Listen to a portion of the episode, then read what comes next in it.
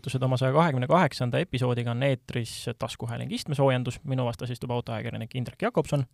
mina olen autoajakirjanik Veli Rajasaar.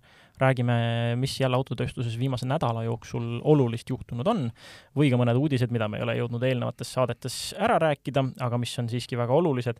Äh, meil tuleb täna juttu näiteks ähm, ühes uudises nii nädala personaliuudis kui ka nädala kadunuke ja kusjuures ei ole siin Elon Muskiga mingit pistmist no kaudselt võib-olla on, aga sellest natukese aja pärast. Äh, räägime ikkagi kütusest, räägime päris pikalt gaasist.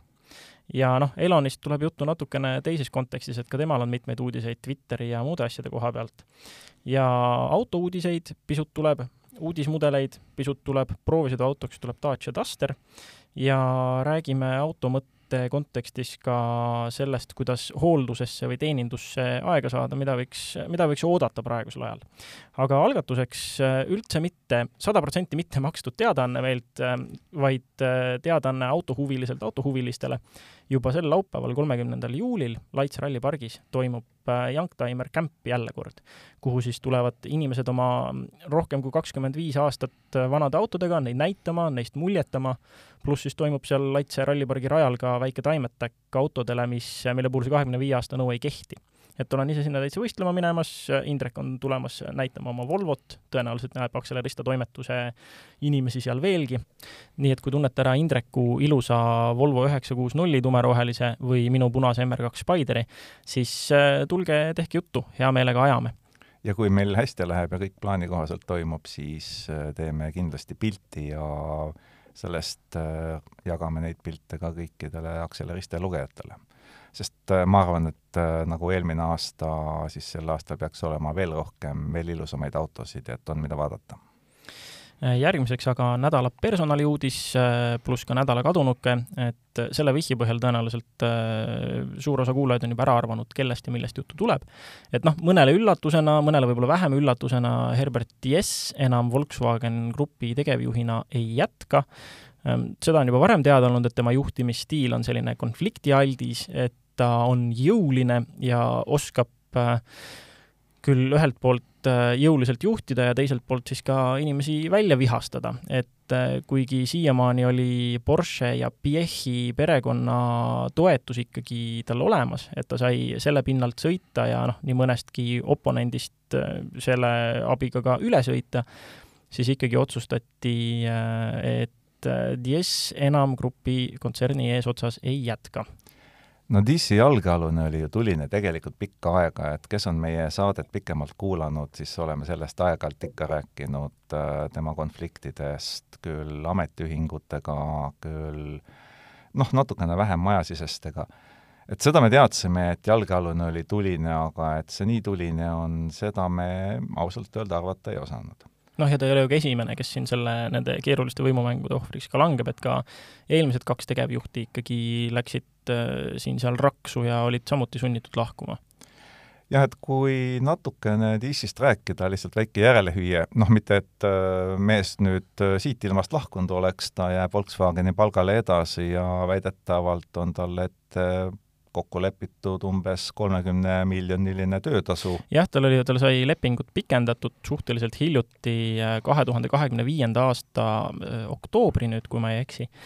ja noh, äh, suure tõenäosusega tõesti jah, kontsern jätkab talle maksmist, on ka räägitud, et ta jääb nõunikuna ikkagi kontserni juures ametisse et ühesõnaga kolmkümmend miljonit on praegu spekuleeritud, arvutatud, ennustatud umbes, et see summa võiks olla, kuna see, tema töötasu on seotud ka grupi aktsiatega, aga, aga noh, selles mõttes, et päris nagu ütleme, kurb tegelikult vist ei tasu tal olla, võib-olla teas-, teostamata plaanide osas jah, aga samas kogu see pinge oma õlult ära, on ju, kolmkümmend miljonit tiksub, et iseenesest noh, ma ei tea, ma ei oleks kurb. no kolm sõna lihtsalt sellest, et Äh, mis tema nagu minevikus tehtud on. Äh, ta on lõpetanud Müncheni Tehnikaülikooli, jäi ülikooli juurde tööle, töötas seal lausa viis aastat ja siis on tegelikult ta hästi pikalt, seitse aastat töötanud Boschis. ja Boschist äh, läks ta edasi BMW-sse üheksakümne kuuendal aastal, tegeles seal muide mootorrataste arendusega aga kui ta kahe tuhande seitsmendal aastal BMW juhatuse liikmeks läks, siis kuni tema lahkumiseni töötas ta põhiliselt ostjate ja tarnijate võrgustiku arendamise eest, eest vastutava isikuna, nii et tema taust autonduses on väga tugevalt äh, seotud allhankijatega ja nende kantseldamisega, mis on äh, autotööstuses üks äh, võtmekohti vaieldamatult ja Volkswagenisse siirdus ta kahe tuhande viieteistkümnendal aastal, noh, lepija oli küll teada juba, et kahe tuhande neljateistkümnendal aastal ta ära läheb. ja äh, sinna moodustati selline allüksus nagu mm, Passenger Car Division, sõiduautode divisjon, ja selle juhiks ta sinna läks äh, vaevalt mõned kuud enne, kui Dieselgate lahvatas, mis tähendab seda, et ta sattus sellesse ametisse kõige ebasobivamal ajal, sest äh, Dieselgate'i põhjustasid teatavasti just nimelt sõiduautod. Ja Diis võttis siis äh, selle jama enda lahendada praktiliselt kolm aastat, enne kui ta siis kolmeteistkümnendal aprillil kaheksateistkümnendal aastal lõplikult juhatuse esimeheks sai. No tema suur tegu on ka see, et ta noh, Volkswagen on meil ikkagi, ütleme, peame Volkswagenit vanaks autotootjaks, ta ei ole siis uus, kes siin elektriautode ajastul on kusagilt äh, välja hüpanud või mingisugune startup, ikkagi vana ajalooline autotootja ja noh, võib-olla vaieldav, aga ikkagi paistab, et seni kõige kõvemaid elektrifitseerimise samme teinud ja Diis on, ongi selles osas olnud see võtmeinimene, kes äh, muuhulgas alustas siis ka Volkswagen kontserni poolt akude tootmist, mida ta peab Äh, võtmetähtsusega ressursiks elektriautode puhul loomulikult. ja noh, ja Porsche ja Piechi perekond ka väga tänasid teda selle eest, et, et öeldes, et Diis on ähm, rajanud siis hea pinnase, mille pealt tuleviku uuendustele vastu minna, aga paraku jah, nad ähm, võtavad Diisi järglaseks äh, Porsche poolt Oliver Blumi, kes äh, noh, sarnaselt sellele, kui, kui Diis kustutas ühelt poolt Dieselgate'i, siis äh, Blum sai hakkama sellega, et tema siis suunas, noh, ütleme, ta suunas Porsche, tüüris Porsche suhteliselt puhtalt sealt Dieselgate'ist välja, et meie saime mootorid, oma diiselmootorid Audilt, meie oleme puhtad poisid, ja noh, ja eks äh, olulised Pichi ja Porsche perekonnad peavad teda ka siis äh, pädevaks ja samas äh, ütleme, kuulekamaks äh, firma juha, juhiks kui kui Diisi eks äh, siit hakkabki vaikselt välja kooruma see, miks äh, Diis tegelikult siis ametist lahkus. selleks äh, probleemiks, millega ta kogu aeg maadles, ehk ametiühingud, mis siis omakorda ju tulenes sellest, et tema kui Volkswageni elektrifitseerimise käivitaja oli ka see, kes ütles, et päris mitu meest ja naist peavad oma töökohast ilma jääma, sest meil ei ole neid nii palju vaja. Ja need probleemid tal olid, aga temale tegelikult said saatuslikuks keskastme juhid selles tohutu suures kontserdis, kes tegelikult ei soovinud neid muutusi, et tippjuhtkond äh, oli tema poolt, aga inglise keeles on selline termin nagu frozen middle, ehk see on see ettevõtte keskne isikute koosseis, kes on noh, ütleme nii, muutuste välisel ajal, kui on vaja stabiilsust, hoiavad laeva alati kindlal kursil, aga kui on vaja muutusi, siis hakkavad nendele tugevalt vastu töötama. Ja üllatuslikult osutusid nad nii võimekaks, et nad suutsid lausa DC lahti kangutada. jah, ja siin on ju see, et see laevavõrdlus on ka hea, sest et DC ise ütles äh, Volkswageni kontserni kohta, et et see on nagu vana tanker, mille olulised struktuurid on väsinud ja vajavad meeletult uuendamist ja noh, eks selge on see, et see frozen middle just oligi see, kes ka selle väljaütlemisega tegelikult kõige rohkem pihta sai ja eks natukene võttis tõenäoliselt jala värisema. jah, ja kuigi noh, Diis oli tõepoolest elektrifitseerimise teeraja Volkswagenis, siis eks tal probleeme ja selliseid asju, millega ta päris hästi hakkama ei saanud, ikka tuli. et tarkvaraarendus ei olnud Äh, tema juhitavates tiimide tugevaim külg, noh, meenutame kas või meie Accelerista testi ID3-ga, kus noh, sai võrreldud seda autot mantliga, et noh, antakse küll, aga nööpi ei anta, aga me kevadel õmbleme sulle külge, senikaua käid lahtiste hõlmadega. jah, see on hea võrdlus, aga samas noh, ütleme, need äh, igasugused tarkvaraprobleemid olid juba Volkswagenis ka enne DC, kui vaadata, kuidas kliendid kogu selle poolega rahul on olnud. aga ütleme, et ega ta midagi nagu väga palju paremaks ei teinud. ta ei saanud sellest probleemist, ei saanud jagu, ühesõnaga, et see käis ilmselt talle natukene üle jõu. samas äh, tema juhtimisstiili isegi kiitis äh, Elon Musk, sest et äh, noh, Diis suunas Volkswageni nii jõuliselt sinna elektrifitseerimise kursile, et, et tekitas veidikene aukartustki Muskis ja noh, Volkswageni suur eesmärk oli ja siiani on Teslat ju maailma suurima elektriauto tootjana siis lüüa ikkagi. ja Elon Musk oli see mees, kes Diisi tunnustas, et Volkswagenist on saamas maailma suuruselt teine elektriautode tootja ta jättis muidugi mainimata, pidades loomulikuks, et Tesla on esimene aga kes meie eelmist saadet kuulas, see juba teab, et Tesla ei ole enam esimene, vaid esikohal asub hiinlaste BID ja Volkswagen ei ole ka mitte teine ega mitte kolmas, vaid lausa neljas, sest hiinlaste SAIC on suutnud ennast kolmandale kohale pista, nii et Elon ignoreeris hiinlasi, aga DC saatust see muidugi ei muutnud. Ja veel kähku, kähku Oliver Bloomist, kes Porschest tuleb, äh, ta jääb ka Porsche tegevjuhiks, aga talle seatakse siis abiliseks ja käepikenduseks äh, endine Volkswageni kontserni finantsjuht Arno Antlits et, et Porsche jääb ka Bloomi äh, nii-öelda valdusesse, aga Bloomist mõnes teises saates pikemalt sellest, mis mehega tegu on, mis uuendusi temalt oodata võiks. jah, ja eks tal ole neid suuri strateegilisi eesmärke nüüd vaja kiiresti seadma hakata, sest uue mehe käest oodatakse kindlasti saja päeva plaani nagu poliitikuteltki aga järgmiseks meie kütuserubriik, et mida siis on äh, kütuserindel toimunud ja juttu tuleb palju ka gaasist. et selle koha pealt on täna Indreku soolo hakkame pihta võib-olla tegelikult algusest, et oli ju mõte, et seda kütusest oleme juba pikalt rääkinud ja võiks nagu seda teemat hakata koomale tõmbama ja ja siis äh, tänases Eesti Päevalehes ilmus artikkel, mille esimene lause ütleb, et bensiinimüük Eestis on langenud viiendiku võrra, ilma neid numbreid kuidagi täpsustamata, mis äh, kahtlemata tõele ei vasta ja küll aga võivad sellised väljaütlemised luua soodsa pinnase igasugusele populismile, nii et äh, jätkame kütusega ja püüame sellest äh, rääkida võimalikult emotsioonivabalt, äh, emotsioonide, kes tahab rääkida onu Eloni juures näiteks.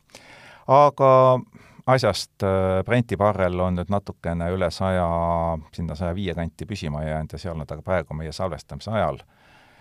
kütuse hind posti otsas on ka kliendi jaoks tegelikult hästi meeldivalt viiesendiste vahedega, Eesti üheksakümmend viis on, E üheksakümmend viis maksab üks üheksakümmend viis, E üheksakümmend kaheksa täpselt kaks eurot ja diiselkütus üks üheksakümmend, asi on ilusti paigas ja ei ole seal mingeid probleeme. Ehk et äh, hetkel tundub, et inimesed tegelikult hakkavad selle uue reaalsusega natukene harjuma, et hakkabki tunduma, et ongi see normaalne kütuse hind.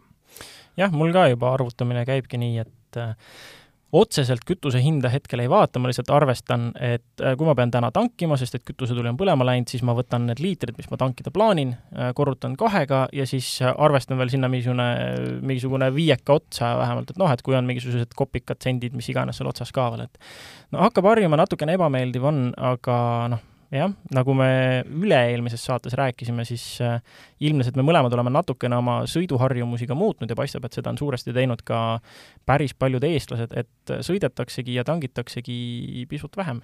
et eelmises saates me küsisime tegelikult kõva häälega endilt, et kas siis äh, turu kümneprotsendiline kokkukuivamine jätkub äh, praeguseks hetkeks on juuli esimese poole tarbimisnumbrid jälle väljas ja võime selgelt vastata, et jah, jätkub ja väga täpselt jätkub äh, no mitte kümme, vaid üheksa koma üheksa protsenti bensiini tarbimine on siis eelmise aasta sama perioodiga võrreldes vähenenud, et see nii-öelda kümneprotsendiline muutus püsib nüüd juba kuust kuusse ja ilmselt see jääbki, et äh, noh, bensiin on selline võib-olla natukene asendatavam kaup kui diiselkütus, natuke rohkem eratarbijale suunatud Äh, mis mulle nagu rohkem muret teeb, on pigem see, et diiselkütuse müük väheneb äh, stabiilselt ja praegusel hetkel on viis protsenti vähem kui eelmisel aastal ja see tegelikult annab majanduse kohta hoopis halvema signaali, eriti kui arvestada, et meil tegelikult mingisuguseid erilisi muudatusi ju kütuseturul ei ole olnud, aktsiisihüppeid äh, ka mitte, et pigem, eks ole, võiks eeldada, et need aktsiisid sõidavad Lätti, aga nagu me eelmises saates rääkisime, ei sõida jah, aga noh, äh, eks üks asi ongi äh, bensiini ja diisli hind, teine asi on see, et mida teevad siis meie erinevad gaasid. siin ju alles äh, Volkswagen on alustanud Caddy kaubiku CNG versiooni tootmist näiteks. no tavaolukorras teeks selle kohta meh, et noh, Caddy, okei okay,, ammu toodetakse, tehti lihtsalt mm -hmm. nüüd üks versioon juurde, et noh, raske on, jah, et ja, ja.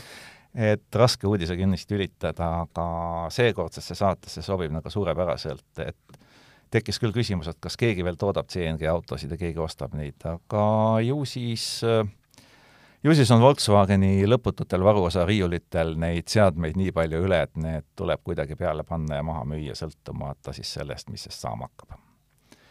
aga lubasime rääkida tegelikult eelmises saates gaasist ja oleme siis pikemalt rääkinud eh, juba lubaduste vormis, et teeme nüüd selle asja teoks et Accelerista ilmus hiljuti üks selline vahva artikkel pealkirjaga, et LNG buum Euroopas jätab vaesemad riigid elektrita.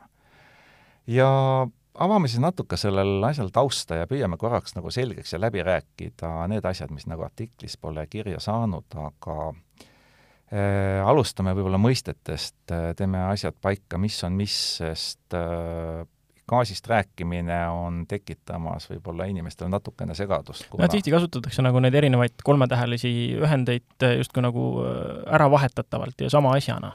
jah, et paneme mõisted paika, me saame tegelikult rääkida kolmest äh, põhimõistest ja neljas kolmetäheline lühend on täiendav.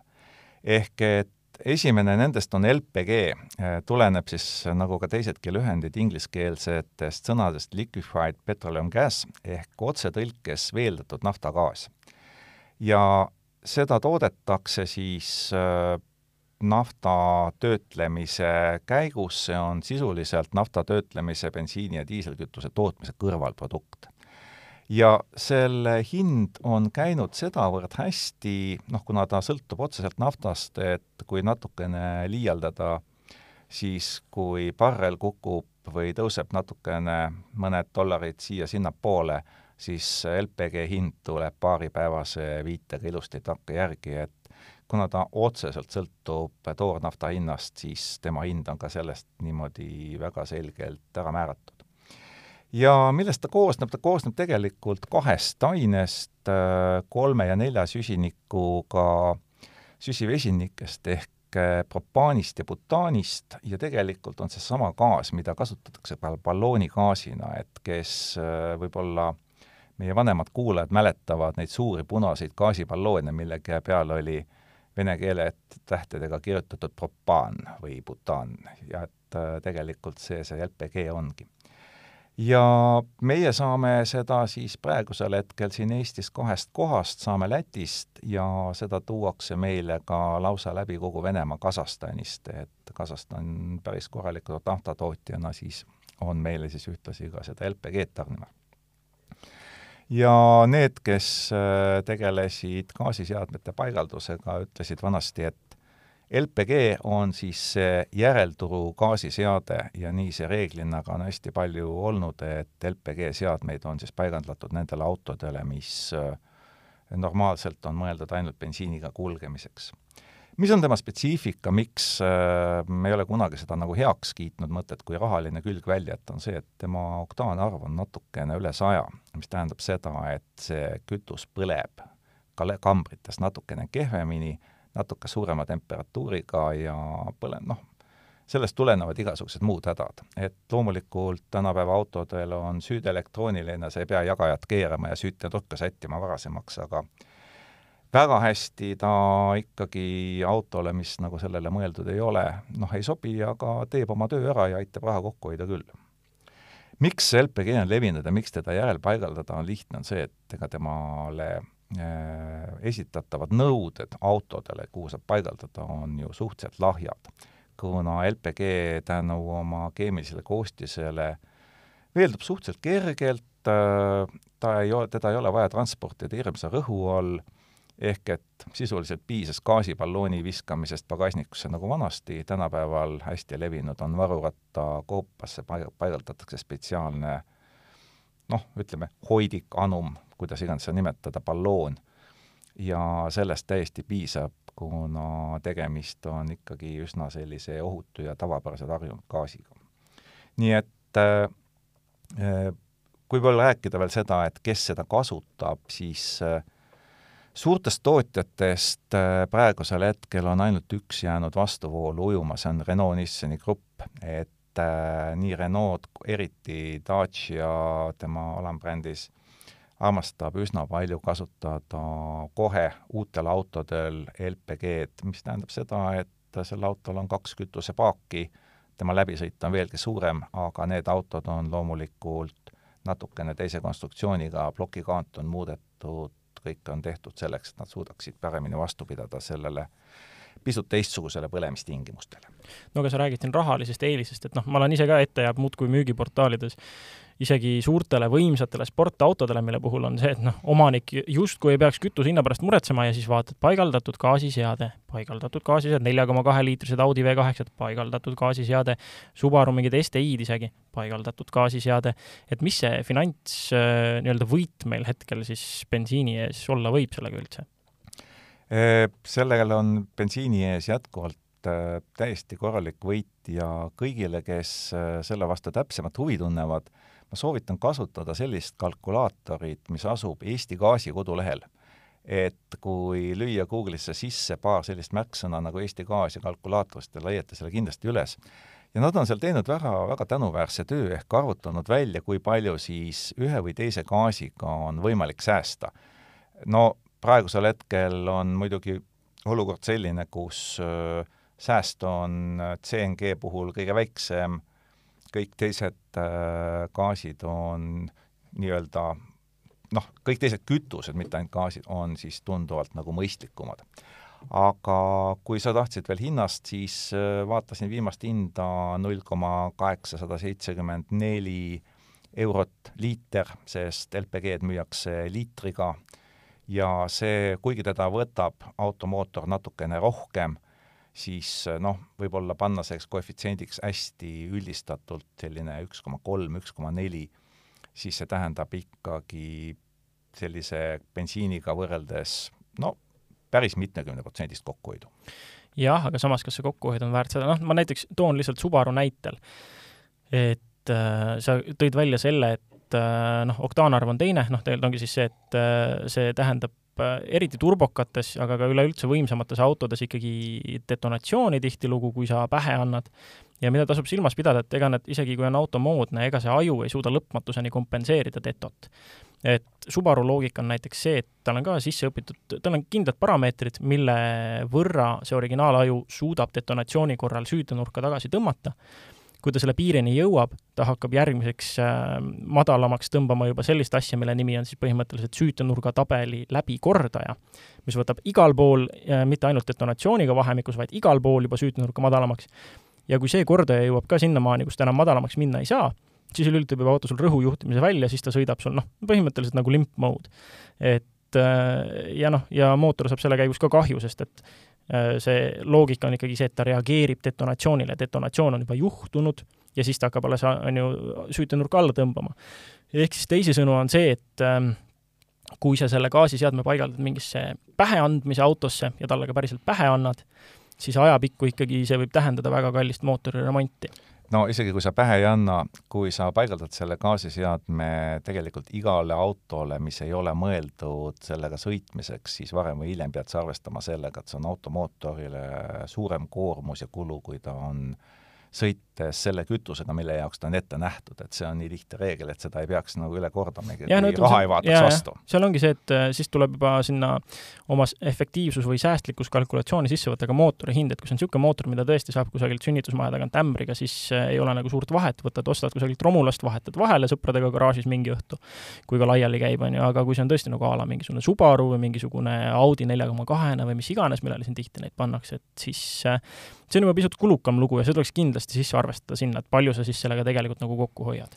Küll aga ei tohiks seda muret olla sellisel juhul, kui see on, seade on paigaldatud valmistaja tehasest, sest äh, sellisel juhul on kõige sellega arvestatud nii auto aju puhul kui ka kõikide teiste komponentide puhul, mis siis äh, vastavalt sellele ka peavad natukene teistsuguste tingimustega kokku puutuma et selles mõttes, kui autole ongi tehasest ette nähtud LPG kasutamine, siis neid probleeme iseenesest olemuslikult olla ei tohiks, aga nagu ütlesime, neid autosid ei ole väga palju, enamus LPG seadmeid on tõepoolest järelpaigaldused.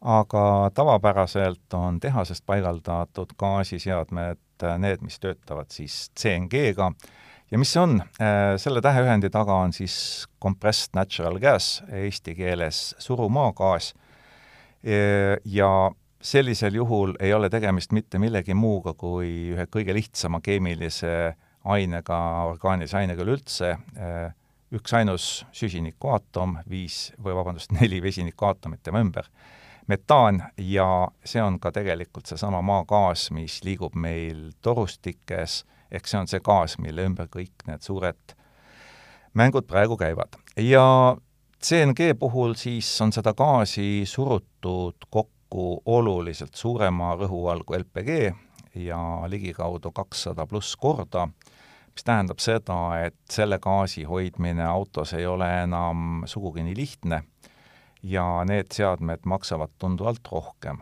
ja seetõttu ka siis seda gaasi ja gaasiseadmeid järelpaigalduses vähemasti ei ole kuulnud, et keegi seda teeks. Need on reeglina ikkagi tehasest tulnud kui CNG-st ja metaanist rääkida, et tegu on ju metaaniga, siis siia juurde tuleb üks selline termin nagu CBM või compressed biometaan.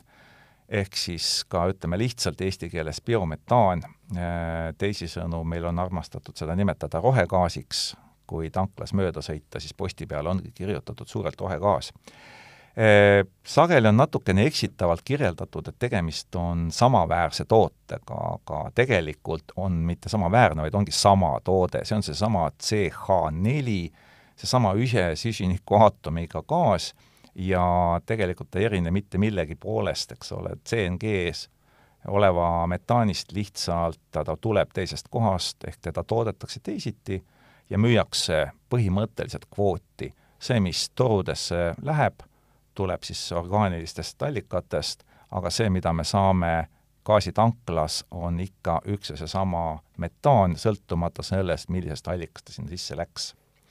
ja noh, nagu sai juba öeldud, kuna see gaas on üle kahesaja korra kokku surutud, siis nõuded sellele gaasile on tunduvalt karmimad ja seda müüaksegi hoopis kilogrammi kaupa, mitte enam liitri kaupa, nagu enne räägitud LPG-d. CNG-d toodavad peamiselt CNG-ga, CNG-ga varustatud autosid toodab peamiselt Volkswagen Grupp ja päris paljud tema autod on sellega noh, nagu eelmine uudis oli, aga ütleme nii, et tänasel hetkel, kui me räägime hindadest ja see oli ka üks selle gaasijutu põhjus, CNG hind oli viimati kaks koma üheksakümmend kaks eurot kilogramm mis tähendab seda, et äh, kui see ka ümber arvestada nüüd äh, selleks kuluks, mis autol tuleb, siis igal juhul on tegemist hetkel kõige kallima viisiga kulgemiseks. ja kui veel paar aastat tagasi meenutame, Uku tegi suure testi Škoda Octaviaga, mul õnnestus sama testi pisut lühemas vormis läbida, Tallinn-Tartu vaheline lõik maksis kolm eurot, siis need ajad on nüüd jäädavalt ajalugu aga gaasidest rääkides on meil üks veel katmata ja see on LNG ehk liquefied natural gas. et äh, see on tegelikult samamoodi vedelal kujul maagaas, sellest see nimi tulebki.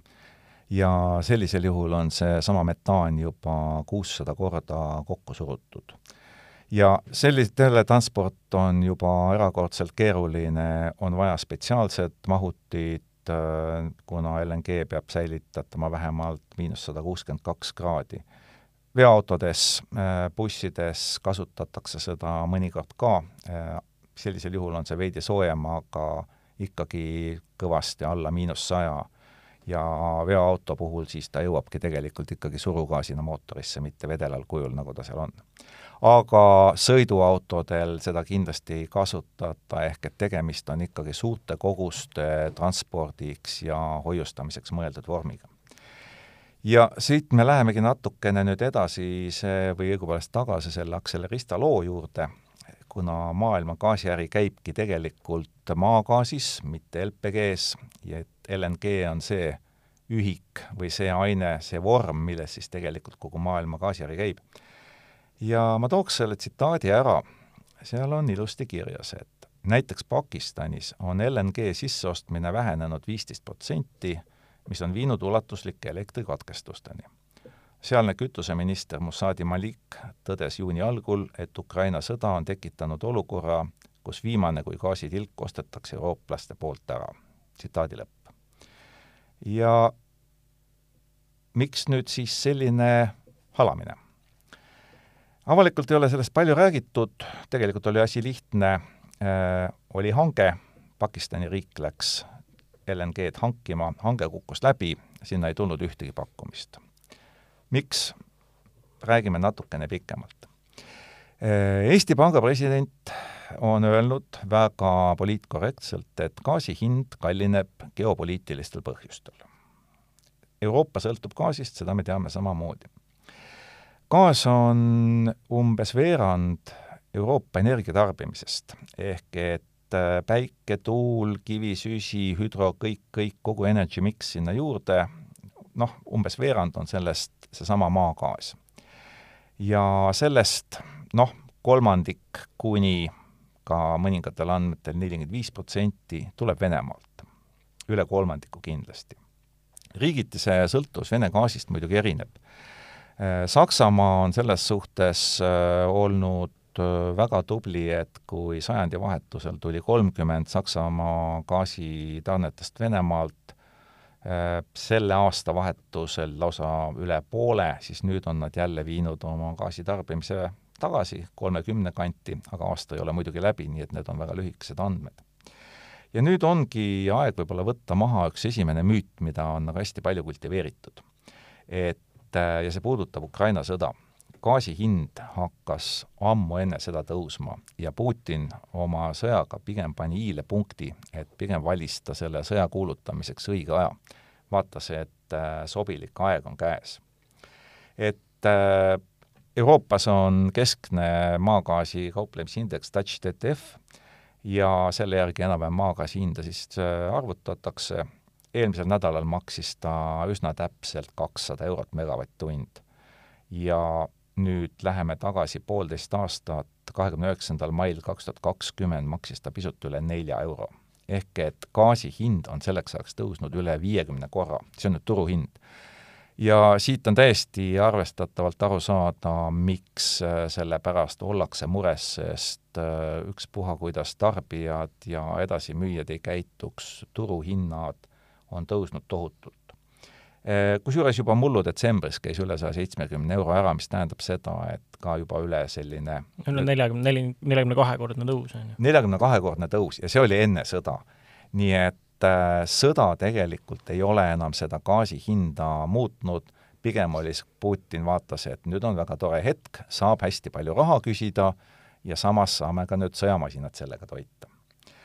aga tegelikult on Venemaa natuke kahvlis omadega selles suhtes ja miks, on see, et äh, siit tuleb vastus küsimusele, miks on Euroopa Liidu sanktsioonid suunatud nafta ekspordile. me ei ole ju kuulnud, et oleks midagi räägitud äh, gaasi impordi sanktsioneerimisest äh,. Väga lihtne äh,, Venemaa sisemajanduse kogutoodangust annab nafta eksport ligi kümme protsenti, see on päris suur number.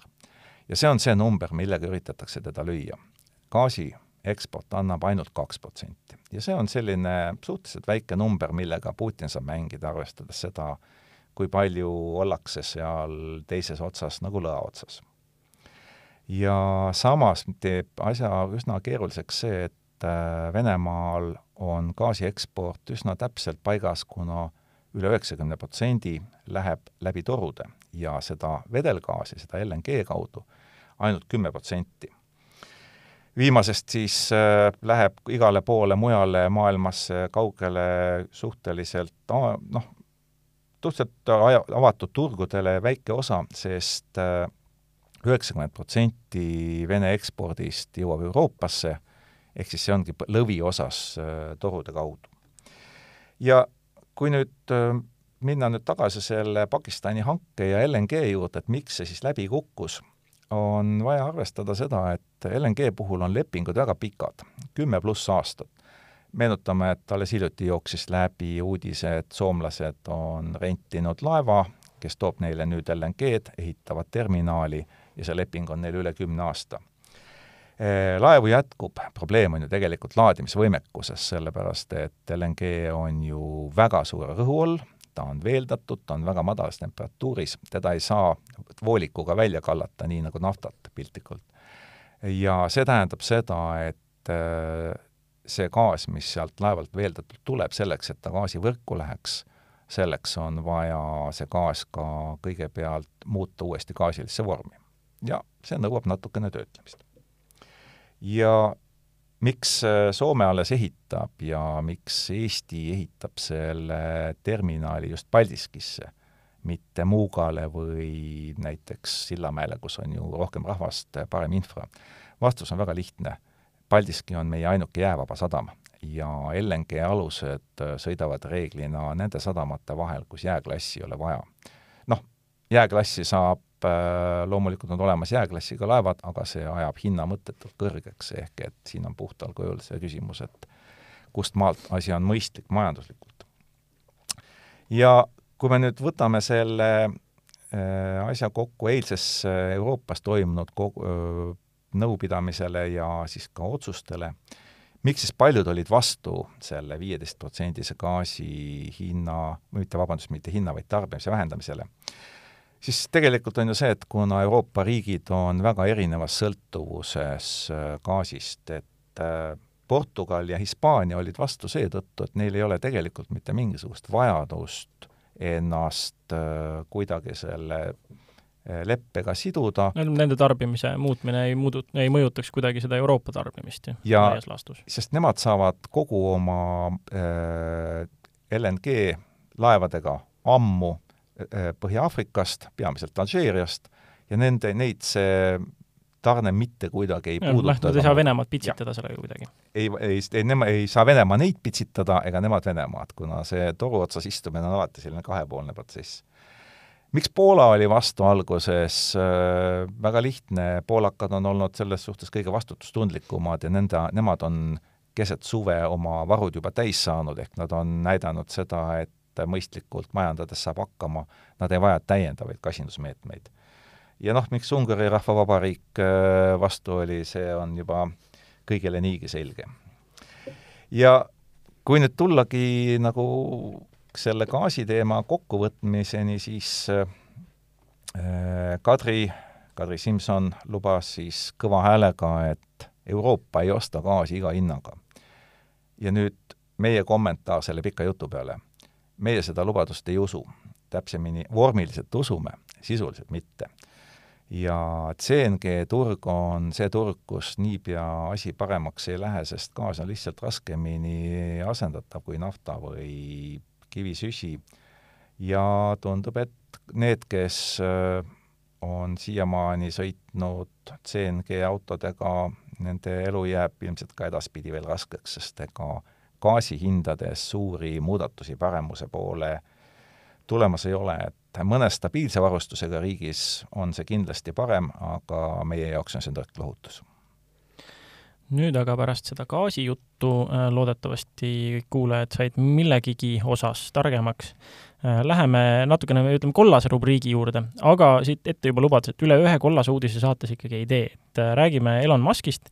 eelmine kord oli Elonist juttu siin ka perest ja tema iibe tõstmisprogrammist ja sellest, kui tootlik ta on muu, muus valdkonnas kui autod aga sel, sel korral räägime Elonist ja peamiselt ikkagi äh, Twitter ja muud asjad, mitte pereseis. jah, et äh, ainult üks pereteema sisse, et üle õhu kollase uudise ei tee. aga alustuseks kõige tähtsam loomulikult ehk Elon ja Twitter. ja see kohtulahing on nüüd sealmaale, et kohtunik on öelnud, äh, tuleb kiirendatud kohtuprotsess, tuleb viiepäevane ja eeldatavasti saab see toimuma siis oktoobris ja selle põhjuseks siis see, et äh, peatada Twitterile jätkuv kahju tekitamine, mida on siis põhjustanud äh, Muski poolne Twitteri väidetav halvustamine. et suure tõenäosusega läheb oktoobris väga põnevaks. nüüd aga natuke selle kolla, kollasema uudise juurde, et Elon on olnud aktiivne mitmel rindel ja tänu sellele on Google'i kaasasutajal Sergei Brinil temaga ka kana kitkuda et Sergei on andnud oma nõunikele korralduse müüa siis äh, viimastel kuudel tema isiklikud investeeringud kõikides nendes äh, ettevõtetes, mis kuuluvad Elon Muskile. ja seda pärast seda, kui sai teatavaks, et Elonil oli tema naisega lühike armusuhe. info pärineb siis sellisest allikast nagu Wall Street Journal, kes omakorda viitab tundmatutele asjaga kursis olevatele inimestele ja väidetavalt olevat sellega siis lõppenud pikk sõprus Elon Muski ja Sergei Brini vahel. Brin teatavasti aitas Muski päris palju siis, kui kahe tuhande kaheksanda aasta finantskriis oli ja Teslal ei läinud üleüldse mitte hästi. aga nüüd on Brin esitanud avalduse, et ta soovib oma naisest lahutada, viimane küsib endale tagasihoidlikku miljardit kaasavaraks, eks siis näib, mis kohtunik otsustab Musk on selle kohta loomulikult äh, Twitteri vahendusel andnud korduvalt teada, et see kõik on jama ja nad on Brinniga parimad sõbrad edasi. taustaks lihtsalt see, et loomulikult me kõik teame, et Musk on maailma rikkaim inimene, aga Brin ei ole ka mitte vaene. tema on rikkuselt maailma kaheksas. ja kui nüüd meie kommentaar siia asja juurde võtta, siis meie loomulikult ei tea, mis seal tegelikult toimus või kas seal üldse midagi toimus ja kindlasti tahame olla kohtumõistjaks veel ammugi selles rollis, sest Elonil on kohtuasju niigi kaelas, Twitter on võib-olla sellest kõige kuulsam, aga tal on ka autopiloodiga väga-väga-väga mitu kohut käia, nii et Elonil on neid kohtuasju ilma meietagi piisavalt. aga mida on veel teada, on see, et Tesla teise kvartali tulemused on nüüd avalikustatud ja Tesla on üks esimesi autotootjaid, kes äh, teise kvartali tulemused avalikustas, äh, vahepeal on seda jõudnud teha General Motors ja täna just meie saate ajal või siis äh, natukene pärast seda peaks siis ka Ford sellega hakkama saama, aga neid me veel kahjuks ei tea. Nendest räägime järgmine saade. aga Tesla tulemused on väljas ja nagu me just pool aastat tagasi ütlesime, et Tesla on selline saanud igavaks autotootjaks? igav autotootja jätkuvalt, et kui tema kogutulu oli siis kolm ja pool miljardit äh, dollarit, oli siis kogu tema kasum teise kvartali puhul, siis sellest automüük äh, moodustas ülimalt suure lõviosa, isegi rohkem kui kõik ülejäänud asjad kokku, ehk et äh, liisingust tuleb tal ime natukene, natuke energiast, natukene teenustest ja kui automüügi tuludele peale vaadata, siis tegelikult peaaegu kümnendik tuleb sellest kvoodimüügist, mida siis äh, Tesla teeb, kuna tema äh, toodab ainult nullheitmega autosid. Äh, General Motorsi tulemustest ainult nii palju, pikemalt räägime järgmine kord, et need olid nii halvad, et kõik teadsid, et need on väga halvad, aga need olid alla igasuguseid analüütikute ootusi ja kogu turg teeras sellega nina allapoole, nii et ilmselt autotööstusel ei ole selles võtmes mitte kõige paremad ajad hetkel. no Tesla puhul on nüüd äh, teada ka see, et neil on kolmveerand oma Bitcoinist äh, konverteeritud tavapärasemaks valuutaks. et see on ka midagi, mis Tesla sellistest kehvadest numbritest tõenäoliselt päästis, et kui äh, Elon Musk teatas, et üheksasada kolmkümmend kuus miljonit dollarit on Bitcoini müüdud ja kasumiaruande kohaselt Äh, on Teslal kuussada kakskümmend üks miljonit dollarit sularaha, et siis ongi põhimõtteliselt Bitcoini müügi pealt äh, end äh, vee peal hoitud.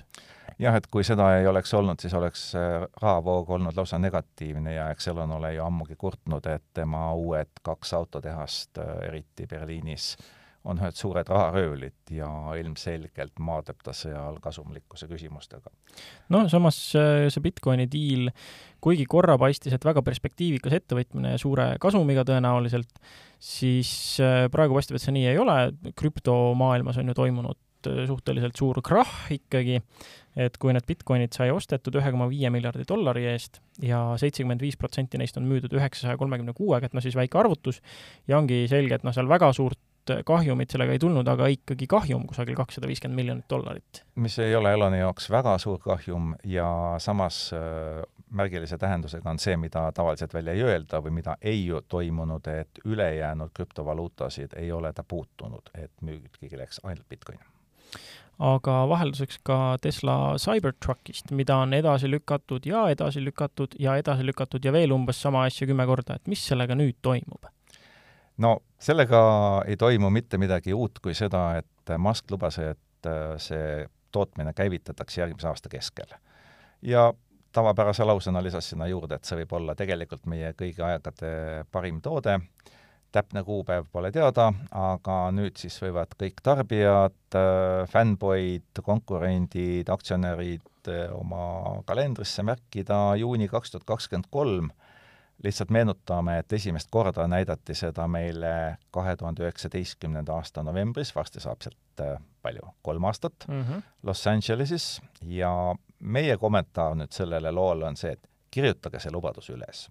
tehke sõpradega, eriti kui nende hulgas on veel Tesla fännpoisid, eriti kui neile meeldib Cybertruck, pange panused, et kas kolmekümnendal juunil kaks tuhat kakskümmend kolm Cybertruck on tootmisliinil seeriatootmises või mitte.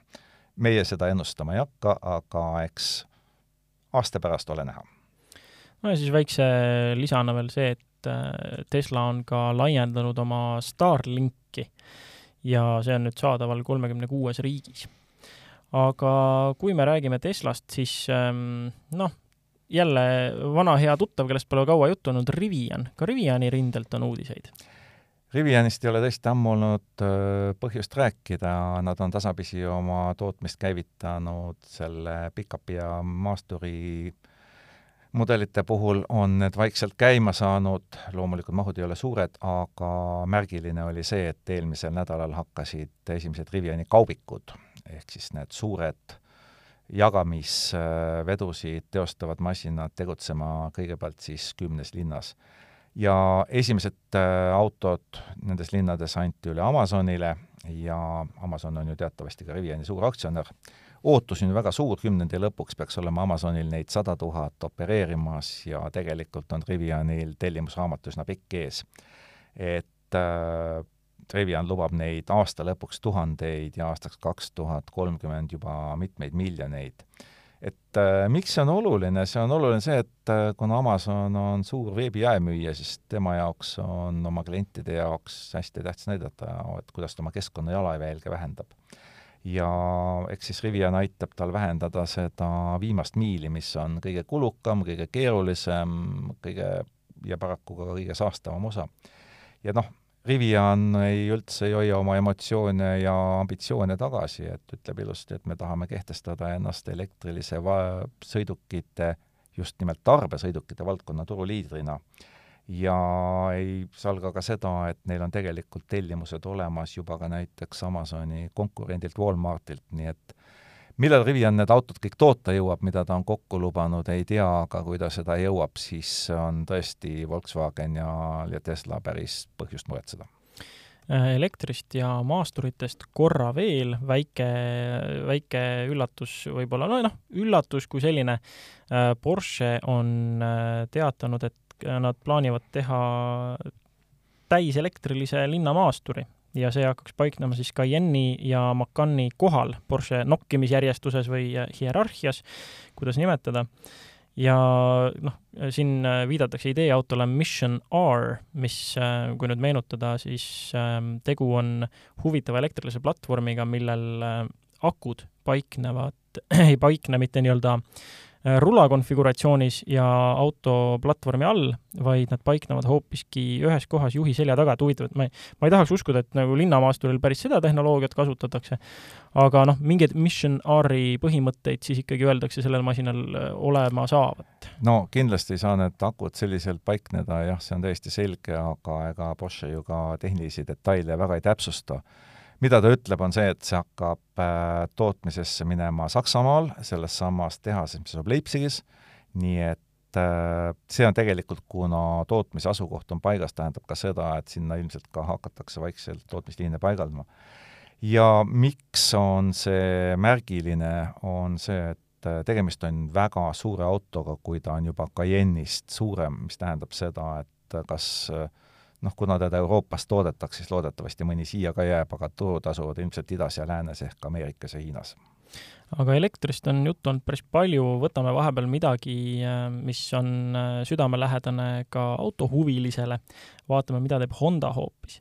sest äh, Honda uus Civic Type R on ju, noh, seda on nüüd õrritatud ja palju on äh, uudiseid sellest kirjutatud, Ameerikas näidati seda päris paljudele autoajakirjanikele juba et on teada selle mudeli kerekuju, tehnilisi detaile veel, veel väga palju ei ole, aga on öeldud, et selle kaheliitrine turbomootor, mis põhineb vanal heal K kahekümnel, on kõige võimsam, mis Civic Type R-i kapoti alla kunagi saanud. Äh, Ameerika turul oli kõige võimsam Civic Type R siiani kolmsada kuus hobujõudu, kui ma ei eksi, siis mingisugune näokergitus Euroopas oli isegi kolmsada kuusteist, et ja, ja noh, on lubatud Honda poolt, et uh, uus Type R on siis uh, veelgi noh, et ikka märgatavalt võimsam, et ma kahtlustan, et see võiks olla seal kusagil kolmesaja kolmekümne hobujõu kandis juba. ja kui me nüüd mõtleme, et tegu on esiveolise autoga, siis no seda tundub ikka metsikult palju, aga samas meenutame, et noh, ma siin reservatsioone tegelikult väga ei saa teha, Civic Type R on ikkagi maailma parima juhitavusega esiveoline. et tõsi, Meganil on äh, RS ja RS Trophy, millel on ka nelja ratta pööramine või nelikroolimine, aga no kuramus, Civic Type R on ikkagi parem, püsib paremini näpus, tal on sisse sisse ehitatud karakterid, mis on esiveolise puhul väga tervitatav, kas või see, et sa saad äh, jalga gaasilt kergitades ikkagi esile kutsuda saba väikse libisemise, et sa saaksid seda kasutada enda jaoks ära, kurvi võttes ja kurvi nurka parandades, just see, et noh, see, mis on juba prantslastelt, äh, prantsuse esiveolistelt palju kiidetud, et see lift-off oversteer, et äh, võtad jala gaasilt, siis saba hakkab libisema, et sedasama karakterit on ka Civic Type R-ile ja teistele ülikiidetud Honda esiveolistele sportautodele juba tehasest eos sisse kirjutatud. see toimib väga nauditav. et ühesõnaga, nüüd meil on, nüüd meil on tõenäoliselt uus maailma parim esiveoline auto. aga kuidas sulle disain meeldib, sellepärast et kui mina seda auto pilti vaatan, siis noh, sümpaatne on, et äh, kahtlemata tegemist on nagu võimsa autoga ja seal on teatud sellised äh, sportlikkusele viitavad elemendid, aga äh, kuidas sulle tundub, mulle tundub kõige toredam on see, et vinti ei ole üle keeratud mm, -hmm. ei ole mindud heast paremat tegema, vaid nagu on säilitatud selline natukene rahulik, aga samas stiilne, äratuntavalt Honda mm, -hmm. äratuntavalt R, aga seal ei ole, no ei ole sellist, mida Honda tegi kuskil viisteist aastat tagasi, kui see ufo Civic tuli, et siis ja. nagu inimesed olid šokeeritud, autol polnud häda midagi, aga see disain oli lihtsalt nagu üle võlli, et äh, meenutame korra jah, need äh, Civic Type R-i põlvkonnad, et äh, alustati ju väga malbelt, siis tuli jah, nagu sa ütlesid, see ufo või see triikraud yeah., see oli, kui ma ei eksinud, kas kolmas või neljas Civic Type R-i põlvkond, ma praegu peast täpselt, ma, ma pead ei anna, ütleme. aga noh, ja siis pärast seda läks ju veel nurgelisemaks see igasugused äh, tiivad läksid nurgelisemaks, äh, difuusorid, äh, keredetailid, lisad, äh, pamprile tekkisid suuremad õhuvõtuavad, kusjuures päris palju viimasel generatsioonil tekkis neid võltõhuavasid, mis on noh, miks see trend on suhteliselt öök, aga õnneks nüüd uue Civicu puhul on, see Type R-i puhul on need ära kaotatud enamjaolt, et noh, vähemasti esmapilgul küll ei paista seal mingisuguseid võltsjurasid ja mingit pseudoreisingut, et mulle tundub, et Honda on aru saanud, et see nii-öelda boy racer, see karjuv vaadake mind Civic Type R, et see seltskond, kes seda autot endale tahtis, on ju nüüd samamoodi kasvanud ja vanemaks saanud ja nende maitse samamoodi. ja nemad tõenäoliselt praeguses vanuses enam, isegi kui nad tahavad uut Type R-i, nad ei taha enam seda karjuvat. et ähm, ongi maha timmitud seda, seda võltsi ja, ja karjuvat reisingut ja tehtudki selline, meil on kõik, mis küljes on, on funktsionaalne, ta on sile, ta on, tal on ikkagi see, et kui sa vaatad teda, tal on tagandifuusor ikkagi olemas. ta lihtsalt ei ole nii silmapaistev ja kui sa tagant autot äh, vaatad, siis ta peaaegu et kaob varjudesse ära, aga ta on olemas. see tiib on funktsionaalne ja, ja jällegi ta ei ole selline karjuv ja nurgeline, vaid ta on kahel, kahel jalal paiknev kas see tiib sisse ka käib, huvitav? ei, ei liigu tiib ei liigu, see on fikseeritud. Äh, et noh, et kõike on maha timmitud, isegi see kapoti peal olev äh, Äh, õhuvõtuava, kui ma nüüd äh, meenutan, siis vist äh, eelviimasel Civic Type R-il oli vahejahuti nagu Subarutel mootori peal ja seetõttu oli ka kapotil õhuava, aga nüüd on vahejahuti ikkagi toodud ette ja alla, kus on tema õige koht, mis tähendab ka, et kapoti seda ava on saanud väiksemaks ja vähem silmapaistvaks teha. aga ta on, ta on alles? ta on alles, aga ta on teisel suunal, ta on õigel suunal. ta suunab radikast ja vahejahutust läbi käinud sooja õhu siis üle, üle auto ja auto taha, ta ei ole siis nii-öelda ettepoole avanev ava, mis peaks õhku peale võtma ja noh, see on ju ka mm, Subarutel äh, tegelikult väga mm, noh, see, see on, ta näeb äge välja, on ju, aga ta ei, ta ei ole tegelikult kõige funktsionaalsem lahendus. sellepärast, et sul üks avaus täidab justkui nagu kahte vastakat ülesannet, et äh, sisse võtta külm õhk ja samas kuidagi peab see soojaks läinud õhk sealt mootoriruumist ka välja saama, et nüüd on, õhutee on vähemasti Type-R-il nüüd õige. ja kui vaadata veel auto külm, tähendab, mulle tegelikult meeldib ta tervikuna, aga eriti sümpaatne on vaadata tema külg vaates, kus autol on tagauksed, mis on nagu päriselt tagauksed. jah, siin on palju, paljud on äh, nutnud, et noh, et miks me ei saa nüüd ikkagi kahe, kolmeukselist Civic Type R-i, on ju, ja noh, paljud lootsid, et uus Integra saab seda olema, aga ka Integra on samal asjal äh, põhinev, samasugune masin, on ju, ka ikkagi ei, ei ole see kolmeukseline, mida loodeti, aga noh, see ongi jälle see, et Civic Type R on paljude jaoks ikkagi tal on üritatud säilitada see pere ainsa autona kasutamise võimekus. ja see on siin praegu väga ilusti, et tal mm -hmm. on viisakas väljanägemine, tal ei ole see noh, ta ei ole kuskilt üle võlli, ta, ta on välja peetud, ta ja siis need tagumised uksed äh, juba ole, olemuslikult, nad on olemas, see on väga hea ja teiseks see, et nendel on ukselingid normaalse kujuga ja paiknevad normaalses kohas, see tähendab seda, et see auto on tegelikult täiesti kasutatav. ja need ajakirjanikud, kes seda autot näppida on saanud, küll veel seisvana enamjaolt, on öelnud, et ärge muretsege, alles on ka Civic Type R-i ülikiidetud ja jälle üks asi, mida on maailma parimaks peetud, äh, käsikasti tunnetus siis, see vahetamise tunne, see, kui konkreetselt käi- ja kui konkreetse käiguga ja kui hea tundega need käigud sisse vupsavad. et see olevat, Honda on öelnud, et nad on seda parandanud, ega noh, ei ole täpselt teada, mida nad teinud on, kas nad on seal midagi veel jäigemaks muutnud, et seal ei ole mingit eksimisruumi ega mingit lõtku, aga pidavat olema ikkagi kriminaalselt hea tunnetusega käsikast, et ka see on alles. ühesõnaga, on, mida oodata, et tegelikult on tehtud äh, auto, mis on ühtaegu ilus, ja hea. just, ja väga-väga-väga loodame ja ootame, et ka Acceleristale mingil hetkel seda proovisõitu pakutakse. Äh, meil kusjuures on viimased äh, Type R-id nii siis nüüdseks eelviimase kui ka eel-eelviimase põlvkonna läbi sõitnud üldsegi Maarja Vau, et ma arvan, et see on jälle auto, mis võiks tema kätte minna vahelduseks. ta saabki võrrelda siis ka eelnevatega, et kuidas see lugu täpsemalt on aga noh, spekulatsioonid spekulatsioonideks, räägime millestki, mis ei ole spekulatsioon, mis on hoopis nädala proovisõidu auto ja selleks on Dacia Duster Duster on olnud äh, Dacia mudelivaliku lipulaevaks siis praeguseks hetkeks enam-vähem umbes kümme aastat. et äh, Dusterit ei ole Dacia pannud kuhugi segmenti, nagu viimasel ajal nende mudelitega kipub olema, tegemist on siis äh, neli ja nelja poole meetri vahel oleva pikkusega sellise äh, üle B, aga alla C-segmendi autoga, millel on siis oma suuruse kohta erakordselt hea maastikuvõimekus. ja kui nüüd rääkida Dusterist, siis äh, tegu on ju tegelikult autoga, mida on toodetud praktiliselt muutumatul kujul kümme aastat, et see on iseenesest väga suur äh, aeg ja hoida ühte autot tootmises nii pikka aega on ikka täitsa kangelastega omaette ja väidetavalt Dacia suudab hoida Dusterit äh, veel sellisel kujul äh, liinil kuni kahe tuhande kahekümne viienda aastani.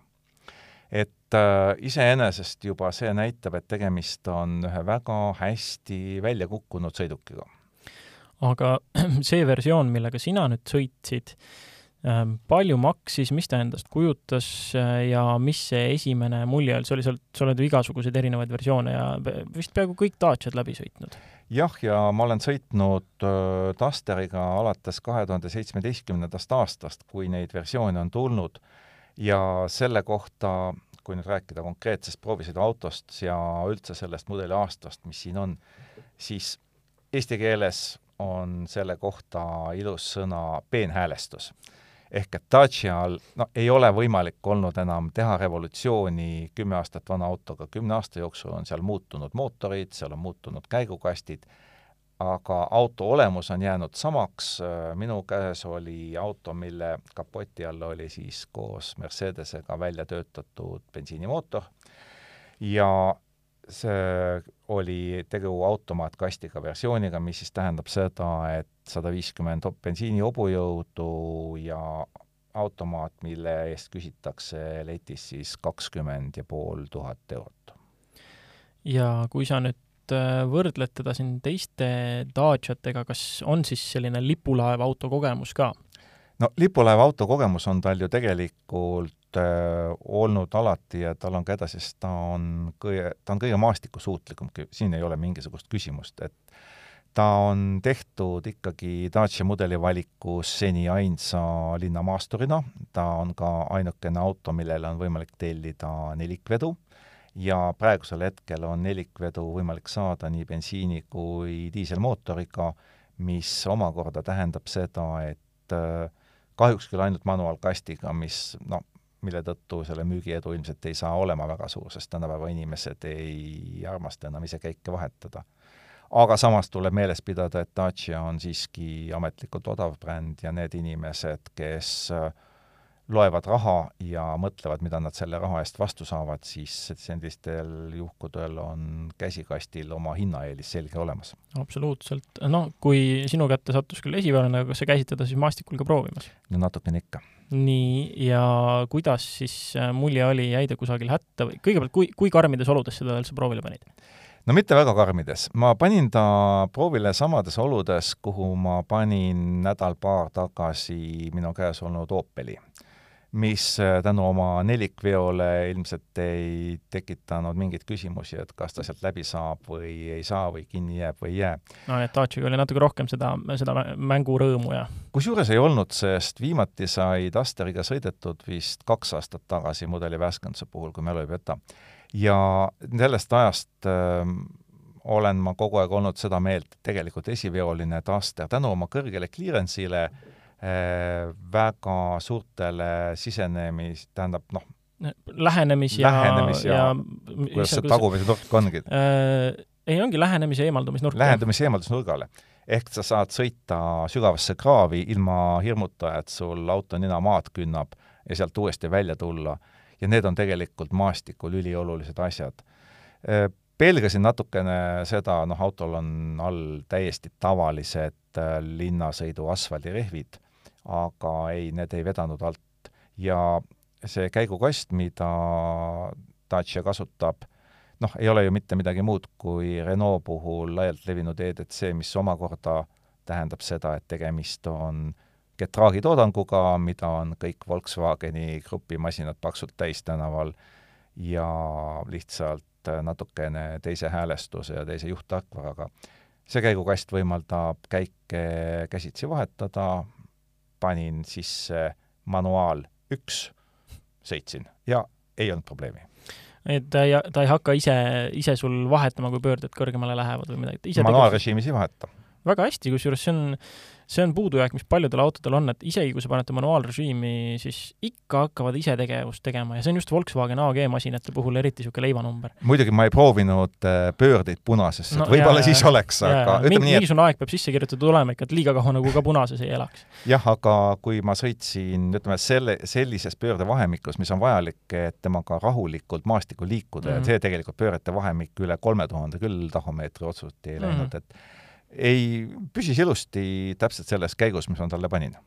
okei okay., äh, nüüd sõitjate ruum, kas äh, jälle nagu Dacia puhul on meil põhjust rääkida, et toolid on rool, on pedaalid, on äh, käigukang, käiguvahetus, ütleme mis iganes, käiguvalits automaatkasti puhul, kas ja. on, aga on seal nagu midagi, ütleme sellist fancy mat ka või midagi, mida sa valida saad, mingid istmekatted, mingid ägedamad istmed, üleüldse mingi helisüsteem, kas tal on see uus äh, Dacia, see äh, nutitelefoni hoidik, millega sa saad, mille sa saad panna näiteks multimeedia ekraani toimima? ei ole okay.. teeks tegelikult, ega ma sellest hoidikust ei tundnud ka nende autode puhul, mis need olid Jogger ja ja Sandero, kus need olid olemas, ega ma sellest puudust ei tundnud, sest äh, selle reguleerimine minu suure lahmaka nuhvli jaoks on nii tüütu, et palju lihtsam on võtta see telefon ja panna lihtsalt kahe istme vahele. aga nüüd tuleb tegelikult kõige olulisem osa. et miks äh, see auto on iseenesest eriline, et äh, sa ütlesid, lugesid ette kõik asjad, rool, käigukang, ist-, noh, käiguvalits, istmed, uksed ja midagi veel. Eh, mul tekkis déjà vu tunne sellise autoga, mille on tootnud hoopis üks Korea tootja ja millest me rääkisime eelmisel aastal ja mis sai meie top kolmes aasta lõpus ka täiesti vääriliselt auhinnalise kohal ära mainitud. kas tuleb meelde? Issand, meil oli seal kolm segmenti, see oli siis sinu segmendis, kes noh mõistlike autode segment, mille oota. hinnad algasid kahekümne viiest tuhandest. kas see pidi olema ikkagi siis äh, oot, oot-oot, kohe, ei ma annan jälle vihje, ta oli sellest äh, kõige odavam. Nendest kolmest soodsast autost veel kõige odavam. kuidas ma ei mäleta, sest mul oli äh, i kakskümmend N, äh, i kakskümmend N vist sees, aga ja aga oota, sul oli nii, Arcana oli vist esim-. Arcana võtti, tuli, võttis võidu. jaa, äh, teist ma praegu ei no pagan, ei, see pidi olema Bayon äkki või? jah, see oligi Bayon. ja Bayon võttis ju toona selle väga tähtsa koha seetõttu, et ta läbis munakivi testi veatult ja see uus Dacia Duster tegi sedasama. ma mõtlesin, et mu kõrvad petavad, lasin kontrollida teistel Kõrvu. inimestel, lasin seda, mida ma kuulen, ja selgus, et ei, kõrvad ei peta, see auto ongi vaikne. see auto on väga korralikult, on kõik see noh, nimetame asju õigete nimedega, odav plast, mida seal ongi väga palju, see on väga korralikult kokku pandud. ja see oli täiesti jahmatav nii, aga muud asjad siis, ühesõnaga ma saan aru, et seal ei saa mingisuguseid suuri valikuid sõitjate ruumi, sõitjate ruumi lisada, no helisüsteem näiteks, ei ole mingisuguseid valikuid? teadaolevalt ei ole. see, mis on, see on, see teeb täiesti korralikult häält, no ja mitte enamat, muusikaelamust sa arusaadavalt sealt ei saa ja no aga samas sõitjate ruumi vaikus kindlasti aitab kaasa sellele, on ju, et see, saad ka odavamast helisüsteemist oma elamuse kätte jah, selle sõitjate ruumi vaikusega on muidugi see asi, et peab arvestama hoolega, millisel äh, teekattel sa sõidad mm, sellepärast et kui ees on esimeses porikoop-, esimestes äh, rattakoobastes logarid, siis taga neid ei ole, ehk et kivi käib konkreetselt vastu plekki mm -hmm. ja mhm. see hääl on päris, äh, päris tugev aga mis see lõplik hinnang sellele autole siis olla võiks omas segmendis, kas tuleb midagi paremat või äh, on Dacia puhul midagi, mis teeb selle ikkagi niivõrd äh, talumatuks sinu jaoks, et sa ei saaks seda soovitada ja oleksid nõus mõne teise auto eest äh, rohkem maksma? see on selline vahva küsimus, mille esitas tegelikult hea kolleeg Marko Haabicht.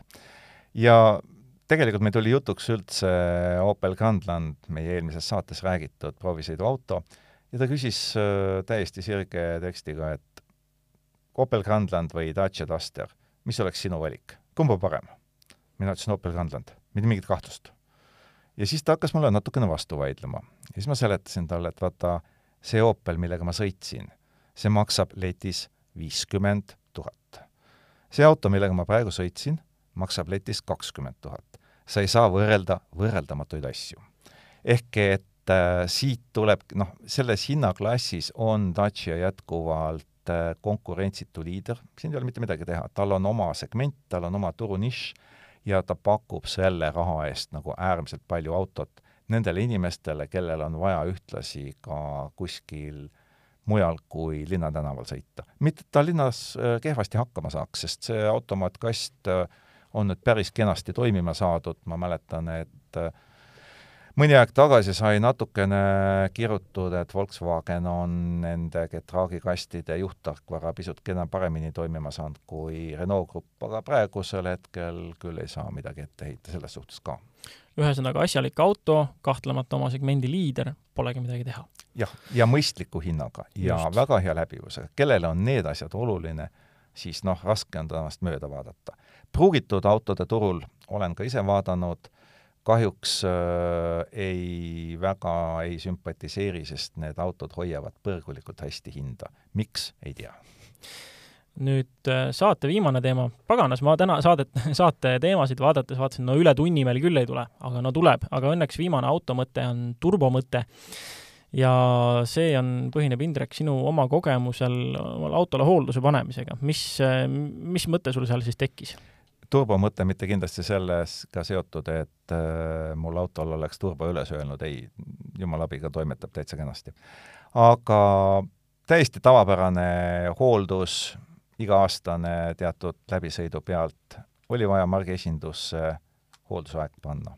mis ma tegin äh,? Läksin internetti, täitsin veebivormis kõik vajalikud väljad, vajutasin send nuppu ja mõne minuti pärast tuli mul e-posti aadressile ilus vastus, et äh, teie tellimus on kätte saadud, arvesse võetud ja teiega võetakse peatselt ühendust. no nüüd on sellest umbes äh, kolm nädalat möödas ja ma ootan siiamaani ühenduse võttu, noh, tegelikult olen ma juba lootuse kaotanud. ehk siis äh, tuleb arvestada, et praegu on ikkagi suvine aeg, paljud puhkavad, et äh, tundub, et äh, seda samustki automaatvastust ei olnud nagu puhkama pandud, aga kellele see kõik edasi läks, vot ei tea ehk et tõeline praktiline soovitus, mis kõlab väga absurdselt kahekümne esimese sajandi kolmandal kümnendil, on see, et kui teil on vaja asju ajada juulis, siis minge kohale. no mõne inimese ikka leiate ärge usaldage seda, et teiega võetakse ühendust. ei pruugi. jah, just, ja no mina siin produtsendina ütlen oma tarkused ära juurde, et isegi kui kiri on saadetud, alati tasub pärast selle saatmist ka helistada, veenduda, et keegi ma helistasin. ja sellest ei olnud ka tolku. no aga mis sa selle automaatvastajaga ikka räägid ühesõnaga tõesti, siis, siis, siis jah, järgmine samm tõesti ka minu produtsendi nõuandest on minna kohale ja end näole anda. aga sellised mõtted ja teemad Äh, saates sada kakskümmend kaheksa. loodetavasti olete siin, et kuulata ka saadet sada kakskümmend üheksa. Äh, mina tänan. Kuulmiseni